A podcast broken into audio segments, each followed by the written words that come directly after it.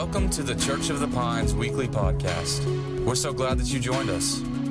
If you have any questions about our church, how you can get involved, or how you can support, please visit churchofthepines.com. We hope that you enjoy this week's message.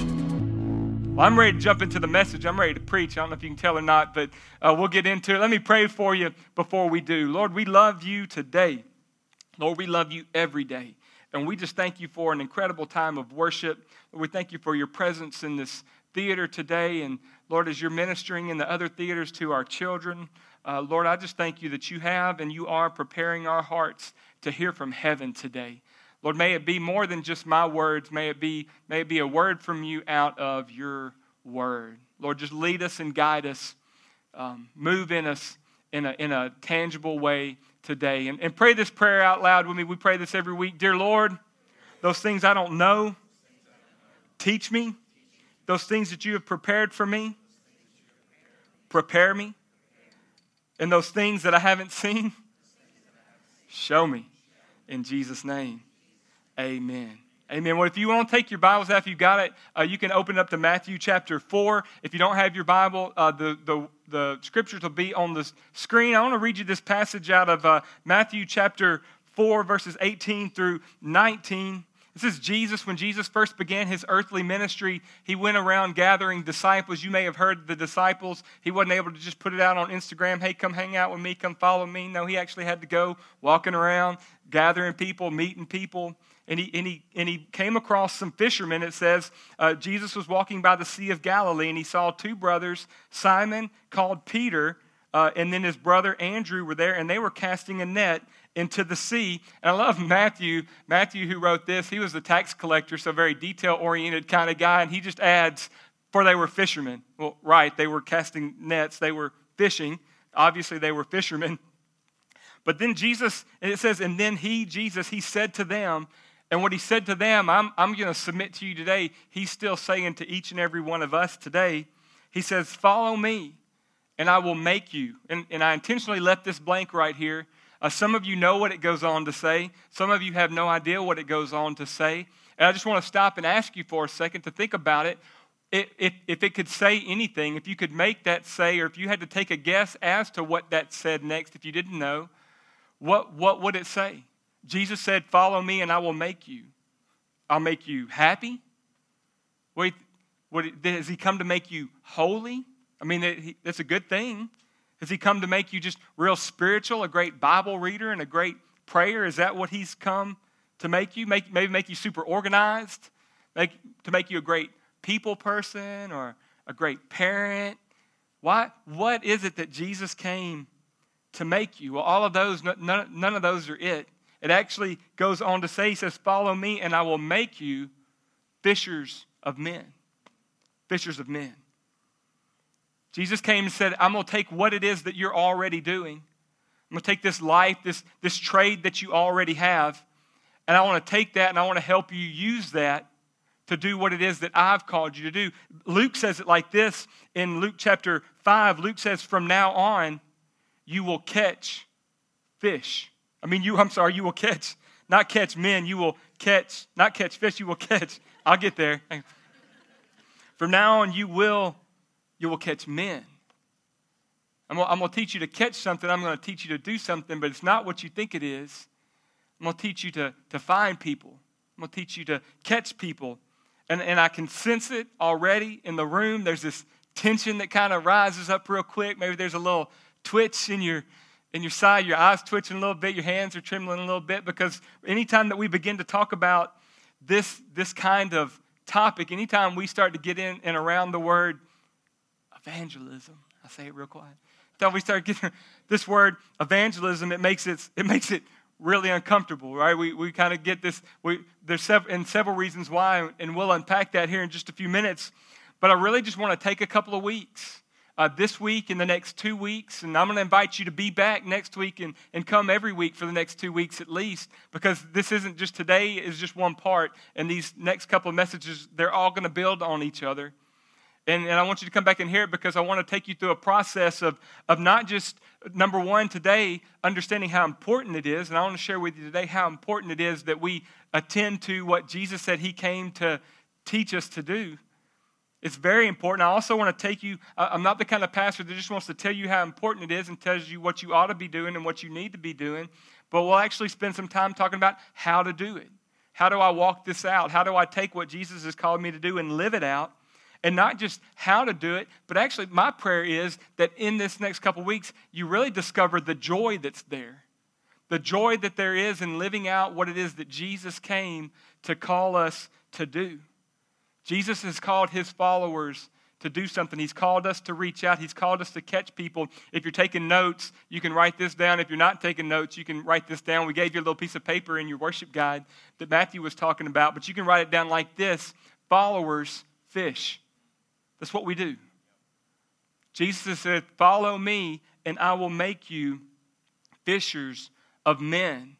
And when it comes to this topic, we can find all kinds of excuses of why we can't or why it's inconvenient. And I know this is this can kind of be tense, and, and I thought about uh, I thought about sharing like reasons why people in church don't do things and excuses that people give. But you're at church today, so I'm not going to tell you why you're not doing something because you're here, and I believe that you want to do what God's called you to do. And then uh, there was a song. Uh, anybody, any old gospel gospel fans? There was a song by the Kingsmen uh, I was made aware of this recently called Excuses, Excuses, and it's good in country. You go Google that later. It's, it's on YouTube. You can check that out. I don't share that with you, but I did find when it comes to excuses, because I knew this was going to be a little, you know, this is a serious message. I'm going to give you a lot of scripture today. It's, it's to, we're going to dive deep into the word because, again, I want to show you how important this topic is. But I did find a list of excuses on, on why people miss work. Anybody, you need any help? The excuses why to, to miss work check these out. I just thought it might lighten the, the tone here early on in the message. Why people, the crazy excuses that people give of why they can't make it to work. An employee couldn't come in because his llama wouldn't stop barfing. About that one. Reader's Digest, people, they don't make this stuff up. One employee called in sick because he ate cat food instead of tuna and was deathly ill. Let me tell you his first problem in that equation cat people. We got a vet in the church, Randy. I love you. We having, having fun with cats. An employee got stuck in the, in, the blood flush, in the blood pressure machine at the grocery store and couldn't get out. Now, you might, you might could use that one. So here's a serious one. Don't let this be you. I'm, I'm praying for you. If it is, our prayer team's going to be up front at the end of the service. You can come up and receive prayer. One employee's wife found out that they were cheating, and he had to spend the day retrieving his belongings from the dumpster. Again, that's, that's you. Come up for prayer. We want to help you, we want to walk with you. One employee, they broke their arm reaching out to grab a falling sandwich. That, that might happen to me. I, an employee claimed that his grandmother poisoned him with ham. Gammy? Are you doing that? And this was going to be the one, this was going to be my last one. Uh, the one employee said that he couldn't come to work because his fortune teller had asked him not to step out of the house or he would suffer a brain hemorrhage. Again, our prayer team will be down at the end of the service today if you need freedom and you some deliverance from, from that life. That was going to be the last one, but I found one just even crazier than that. An employee had to attend the funeral of his wife's cousin's cat because he was an Uncle and pallbearer. Cat people, come on. Come on now. Hey, look at your neighbor and say, Don't be that guy. Can't do pallbearers at nobody's cat's funeral. Mm-mm. But when it comes to the when it comes to the things that God's called us to do, and especially when it comes to this topic of evangelism and, and reaching out and, and connecting and and uh, being the hands and feet of Jesus, you know, the Bible says that that uh, God has called us to be Christ ambassadors. So really, everywhere that we go, uh, that we represent him. And if you, if you want to know what that looks like, we did a whole series of messages uh, leading up to now just about what it, what it looked like to represent Christ and what the different facets and what the kind of the essentials of Christ and the essence of Christ's ministry looks like. So I encourage you to go back and listen to that on the website or on Spotify, um, iTunes. You can check out our previous messages there. But I got a couple that I think may identify with you and bear witness with you today as to why we don't take this more seriously and why we don't do more of this. And one could be that just simply we didn't know we're supposed to fish. We just didn't know. No, nobody's ever told you that. And, and, if you're here today and you didn't know, that's part of my job as pastor is just to help, uh, help you understand God's plan for your life and God's purpose in the earth and, and what He's called us to do. And so today, I just, if you didn't know, now you know. God's called us to fish. Another, another excuse can be that we just don't know how to fish, right? That I just don't know what I'm supposed to do. And, and First Peter says to be prepared, that each and every one of us should be prepared to give an answer to the hope that we have in Christ. And really, that's one of my key jobs as pastor and, and your pastor is to lead you into and prepare you to do what God's called you to do. And that's why we're doing a series of messages on this so that you can be prepared. Because uh, a lot of people are just, you might fall into this next one, you might just be afraid that I'm, I'm afraid to fish like Les, you don't want me going out there because I don't know enough, right? I'm not, I'm not smart enough. I don't know enough scripture. If I get in a conversation with somebody, I'm not going to have the right answers. They're, they're going to be able to shut me down really quick because I just don't know what to say. And again, in the next couple weeks, we'll unpack that and I'll help you hopefully understand a little bit more of what it is that we're supposed to be doing when it comes to this topic. But I think more than anything that there's emotion attached to it attached to it like i'm just i'm afraid to do it uh, because uh, emotionally there's just like this thing that just seizes up in me when i when i'm supposed to share my faith and one of those reasons i think is because you're thinking i just don't want to be one of them right? Like maybe you got, when it comes to evangelism and what that looks like, maybe somebody comes to mind, uh, maybe somebody in an all white suit with white gloves on, you know, out on the college campus somewhere preaching, you better turn or burn, right? You kind of got that, that guy that, that if you don't make Jesus the Lord of your life today, you're going to go to hell. And if you're in East Texas, we say hail because it's two words in East Texas language. A matter of fact, uh, I recently discovered that there is kind of these, these guys, uh, these type of evangelists that, that do make the college uh, circuits. They preach on the campuses like Berkeley and major universities, and they're out there on the lawn, and they are preaching it, babe, turn or burn. And they, and, the, and they get into these conversations, and I know, I mean, they have to, I know that God has used them uh, to reach people on those campuses but so many of the videos that you see kind of going back and watching some of that is it became so um, combative it became it became so argumentative that people would come around there arguing and i understand arguing for your faith but to watch those it became so personal sometimes with some of these guys and some of them were actually like beat up and accosted like old school old testament prophets and apostles you know? I mean you just you don't see much of that and as, as much as I believe that they did reach people, so many of the people, when you see the interactions that they actually ended up having, I just wonder sometimes if it was, if, if that is the way. Uh, it's a way. But, but when, when I think about you, and what I'm going to ask you to think about is think about the person who led you to Christ. Because there's a place for that. But I would say for the vast majority of you in the room this morning, that's not your experience. That's not who led you to Christ. And if you're here today and you're a Christ follower, and I ask you to think back for a second about who it was that led you to Christ and how you would describe them, I bet you would use more words like kind, gentle, generous, courteous, thoughtful, encouraging, maybe.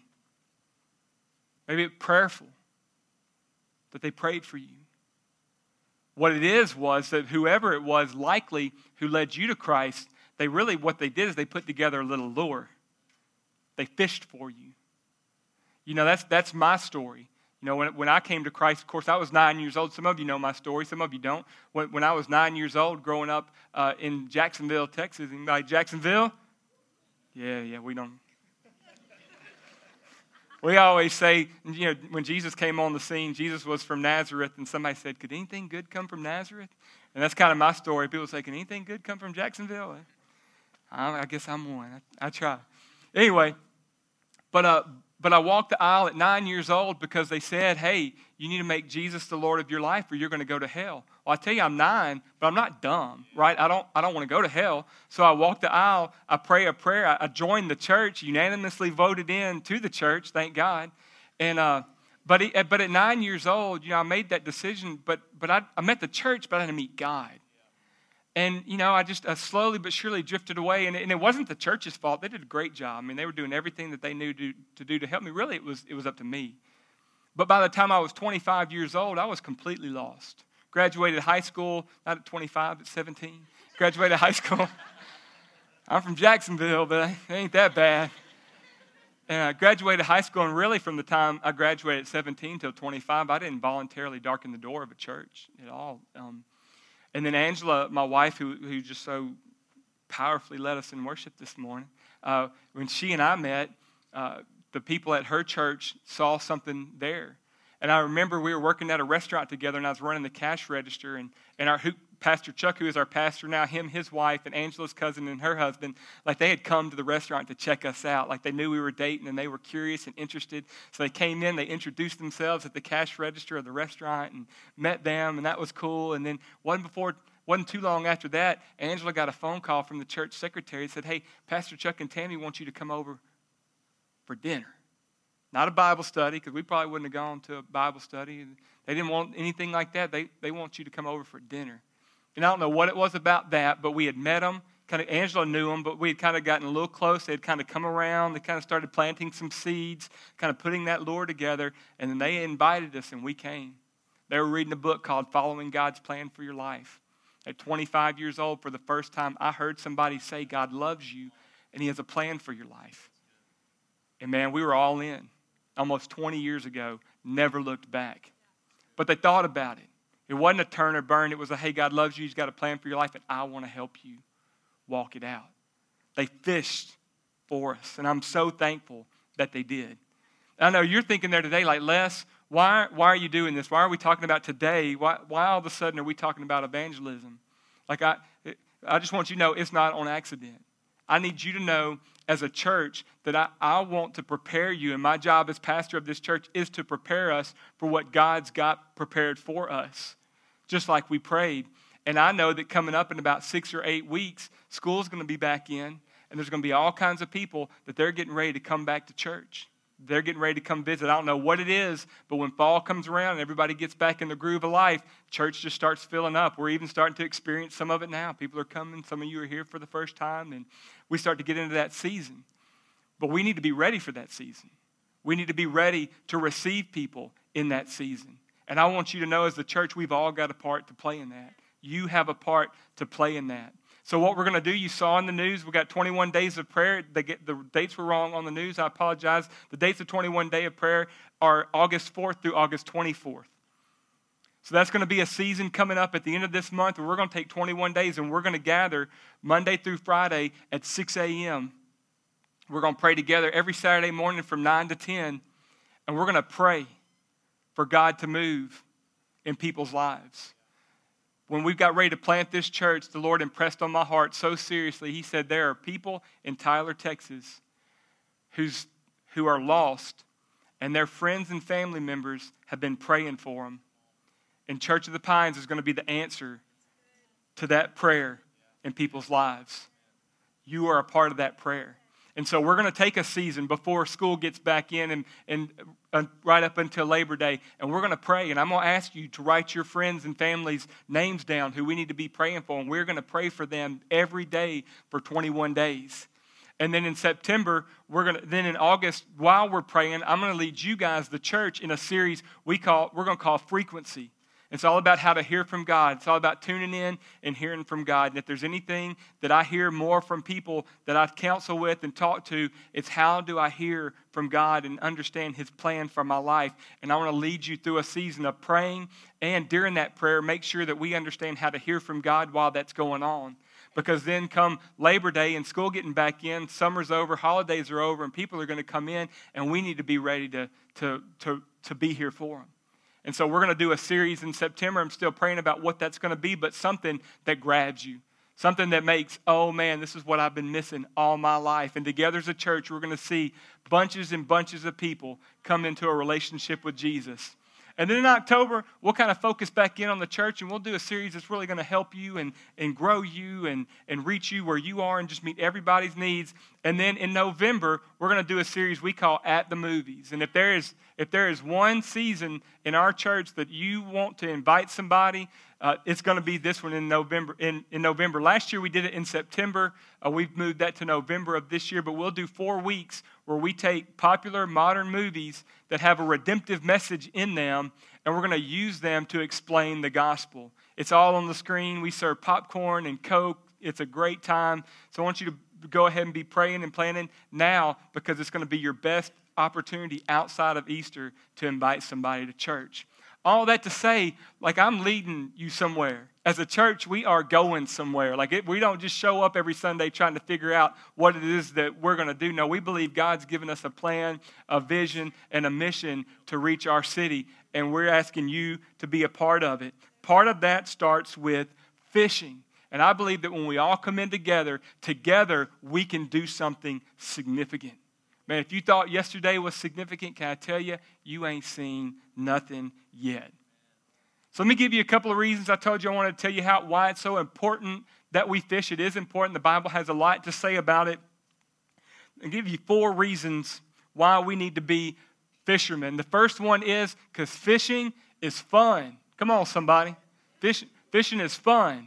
Uh, the, really, the whole reason, the whole thought process for this message got started just last week. Uh, some of you who are regulars here know we were out of town last week. I got to preach for a friend of mine in, in uh, Summerville, South Carolina, which is just outside of Charleston. So we went a couple days early, spent some time in Charleston. They meet in a movie theater, and uh, we enjoyed being in their church and seeing how they do church in a movie theater, and they're doing a great job. But can I tell you, there's no place like home. We're doing a great job here, and we're great setup. I'm so thankful for our team and everybody who makes it happen. But on Saturday, Jeff got his boat out, and we went out on Charleston Harbor and then went up some creeks and, and did some fishing, and that just got me to thinking, really, just last week, wow.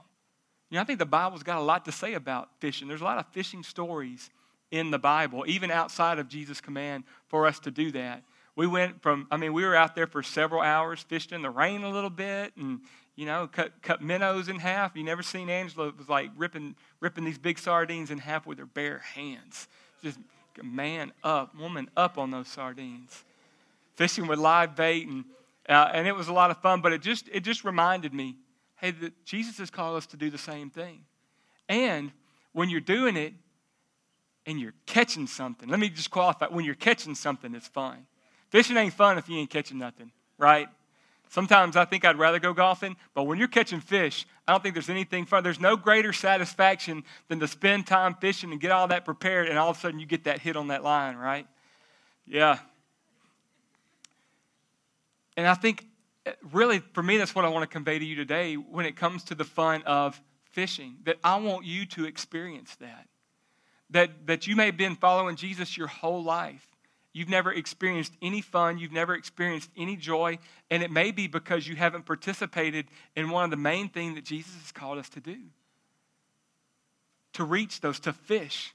Fishing's fun, everybody. As a matter of fact, Luke 15, chapter, Luke chapter 15, verse 10, Jesus says, I tell you, I tell you that there is rejoicing in the presence of angels, in the presence of the angels of God over one sinner who repents. So there's joy in heaven. When the lost are found, when the fish are caught, heaven goes nuts. Heaven throws a party. You know what? Here in a few minutes, we will too. We do the same thing every week. It's a big deal. It's a big deal to God. And it's so such a big deal that we don't even, He doesn't even just want us to do it and be like, meh. It's not meh. It's rejoicing. It's fun. It's a big deal. And it's I, I want you to have that experience, to experience what it's like to reach somebody who is far from Christ. As the church, guys, we have the answer to hopelessness. We have the cure for depression. We have the cure for anything and help for anything in anyone's life who needs it. Jesus has the answer. I believe that the local church is the hope of the world. And yesterday, through Serve Day, it was just a glimpse of what that looks like. But for some of us, we could live that kind of life every day. That every day we're, we're working that lure. We're trying to find the right bait. You know, we were out there on the water and we had to, we fished on one side of the boat, didn't catch anything. Fished on the other side of the boat, didn't catch anything. You know, you ch- change your lures. It's fun trying to figure out what it is that's going to catch them. It's just, it's, it's a pursuit, but it's got to be fun. Second Corinthians chapter 5, verses 18 through 20 says, This is all this from God who reconciled us to himself through Christ, and he gave us the ministry of reconciliation. So he's given us this opportunity. And the ministry of reconciliation is that God was reconciling, reconciling the world to himself in Christ, not counting people's sins against them, and he has committed to us the message of reconciliation. We are therefore Christ's ambassadors, as though God were making his appeal through us. He wants to use us. And we implore you on Christ's behalf be reconciled to God. That's the message that we've been called to fish, and that message is fun. Another reason that we're called to fish is fishing is necessary. It's just part of it. And these days we don't have to, back then they had to fish to eat in the context of the Bible. And maybe we don't have to fish to eat anymore. But when it comes to fishing in the church and reaching those who are far from God, it is necessary. Can I tell you? I'll just be real serious with you for a minute. This is not a game. Like, ch- church is not just is not just for fun. The building is not a church. This isn't just an organizational strategy. This isn't just something that we do because we think we need to, no, because we think we're supposed to. It's something that is necessary. Hey, church, I've never said this before, and I'm going to openly repent to you for not speaking this publicly. You're going to start hearing this a whole lot more from me. But heaven and hell are real. And the people in our lives, and every one of you here, are going to spend your eternity in one of the two places. And as long as heaven and hell are reality, then we as the church are required and need to do anything short of sin to reach those who are far from Jesus. It's needed. We can't just grab we can't just have church each and every week and just expect people to wander in off the street. Now we got to go out, we got to find them. We got to find what attracts them. We got to find the lure. We got to find the bait. We got to throw it out there. We got, maybe we got to let it sit a minute, and maybe it takes longer and it's more boring than you want it to be. But then sooner or later, we're going to get that hit and you're going to reel them in, and then you're going to know what this whole thing's all about. This is what we got to be about it. Romans 10 says this everyone who calls on the name of the Lord will be saved. Everyone will, if you call on him. But then he goes on to say, How can they call on him to be saved unless they believe in him? And then goes on to say, how can they believe in him if they've never heard about him? Unless somebody like, like you goes along and tells them. And how can you know to do it unless somebody tells them? How can they hear unless somebody tells them? And how will anyone go unless I stand up here today and tell you that it's important, that it's needed, that it's fun, that it's necessary? And that's why the scripture says, How beautiful are the feet of messengers who bring good news. And I think that's so funny because feet are so ugly aren't they? it's a little stretch in the imagination to talk about how beautiful somebody's feet are. Go ahead. As a matter of fact, look at your neighbor and say, You got beautiful feet. I'm kidding. Don't do that. That's weird. That's weird. That's weird.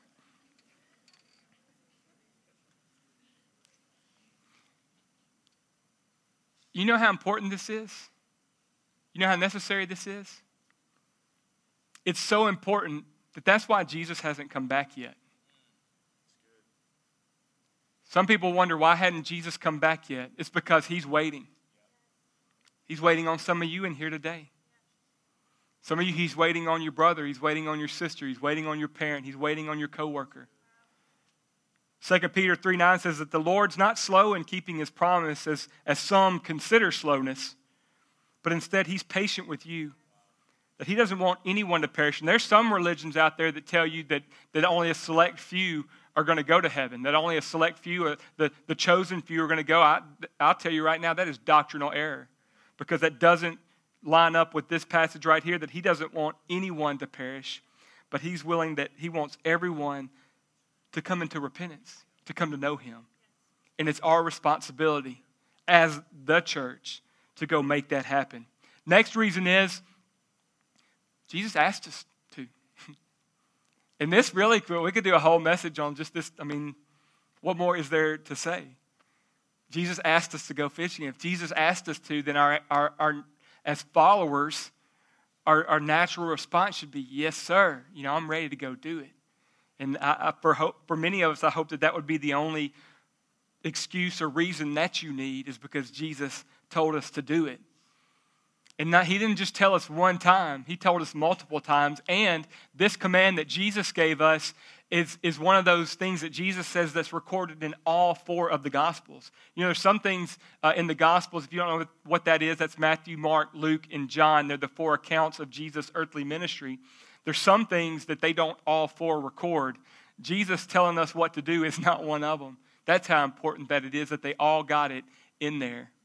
And I just want to share, matter of fact, it's not just in the Gospels, there's also Matthew, Mark, Luke, and John, and it's then the book of Acts. And it's the book of Acts is about how the Holy Spirit moved through the disciples after Jesus went back to heaven. And I just want to read these to you, every one of them, to show you how important it is and what Jesus said. In Matthew 28, Jesus says, Therefore, go. Everybody say, Go. Go and make disciples of all nations, baptizing them in the name of the Father and the Son and of the Holy Spirit. God put Church of the Pines here to be in your life so that I can echo the words of Jesus to you in your life and say, Go. Don't make this it. Go. Mark records it in Mark 16. He says, And he said to them, Go. Everybody say, Go. Go into all the world and preach the gospel to all creation. I know that's intimidating, and don't check out because we're going to talk a little bit more about what that looks like in the weeks to come. This isn't all that we've got to talk about on the subject. Then he also said, Luke records it like this. Uh, it, was also written, Jesus said that this message would be proclaimed in the authority of his name to all nations. So proclaim it. In Acts 1, Jesus said, You will receive power when the Holy Spirit comes on you, and you will be my witnesses. Everybody say witnesses. You will be my witnesses in Jerusalem and all Judea and Samaria and to the ends of the earth. Jesus is telling his disciples the same thing that he's telling us today is that we don't exist for us. As a church, I, we say we don't exist just for those who are here, but for those who aren't here yet. And I'm asking you to join me in this mission, to join me into the mission of God.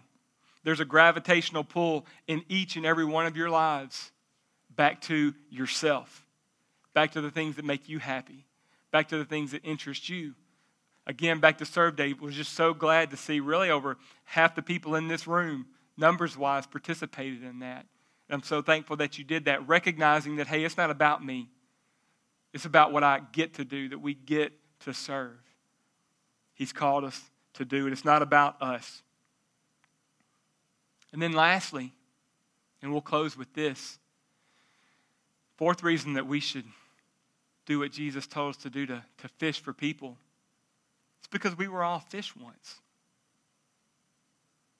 There was a time in your life when, when you were a fish and somebody came looking for you. Jesus came looking for you. Danny, you can come on up. And I just want to publicly, in front of all you, say thank you to Pastor Chuck Ford for reaching out to me when I was lost. Can I tell you, at 25 years old, I was at the bottom of the barrel for my life. It's a bad deal. And he came looking for me. For those of you who are in here today, you're a follower of, of Christ, there was a day when somebody came looking for you, when Jesus came looking for you. That we were all fish once. We don't ever stop fishing for people. Why? Because God never stopped fishing for us. He never stopped fishing for you. And now that you're in the boat, He's asking you, Will you help me? Will you help me fish? Will you help me find the right lure? Will you help me find the right bait? Will you help me find the right spot? You know, some of fishing just is having the right spot. Will you join me in this mission? It's fun, guys. It's fun when you see people come into church. It's necessary. It's really one of the main things Jesus asked us to do. And we were all fish once. And I promise you this, as a pastor of this church, that we will never stop fishing for people. We will never stop. As long as heaven and hell are realities, as long as you still have friends and family and coworkers and schoolmates and whatever your influences are, as, still, as long as you still know people who are far from God, we will not stop fishing. And you know why? 2 Corinthians 5:14. Just like the apostle Paul said, he said for Christ love compels us. Because we're convinced that he died for all of us. Christ died for all. And it's the calling of my life, and you as a follower of Jesus, it's the calling of your life to fish. Followers fish. Would you bow your head and close your eyes? I just ask you to pray a simple prayer this morning. And just say, Holy Spirit, what are you saying to me?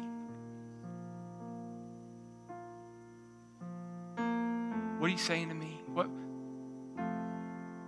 where's the fishing spot in my life? How, how do you want to use me to reach those people in my life who are far from you? What are you saying to me?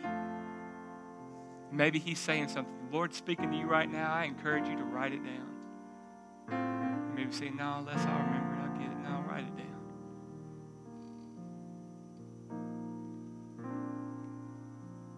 Maybe you're in here today and you just need to you, you need to be found.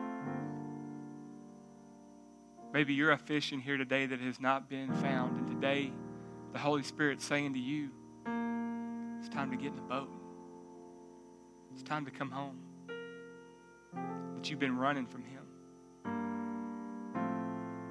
Maybe it could be that you've never been in church and you've never even heard that God loves you and He has a plan for your life. Maybe you've never heard that Jesus died for all of the sins of all mankind. Maybe you're here today and you've been like me. You were in church for a long time, but had never changed your life. And today is your day to respond to that. I'm going to ask you to respond. I'm not going to bring you to the front, and we're not going to do anything to bring attention to you, but maybe today is the day that you say, I need to come home. I'm ready to be found. If that's you, I'm going to count to three. I'm going to clap my hands, and you can raise your hand. Again, we're not going to bring you to the front, but we're all going to pray a prayer together out loud, and you can walk out of here confident in a relationship with Christ, ready to participate in His plan for your life. If that's you, nobody's looking around. One, two,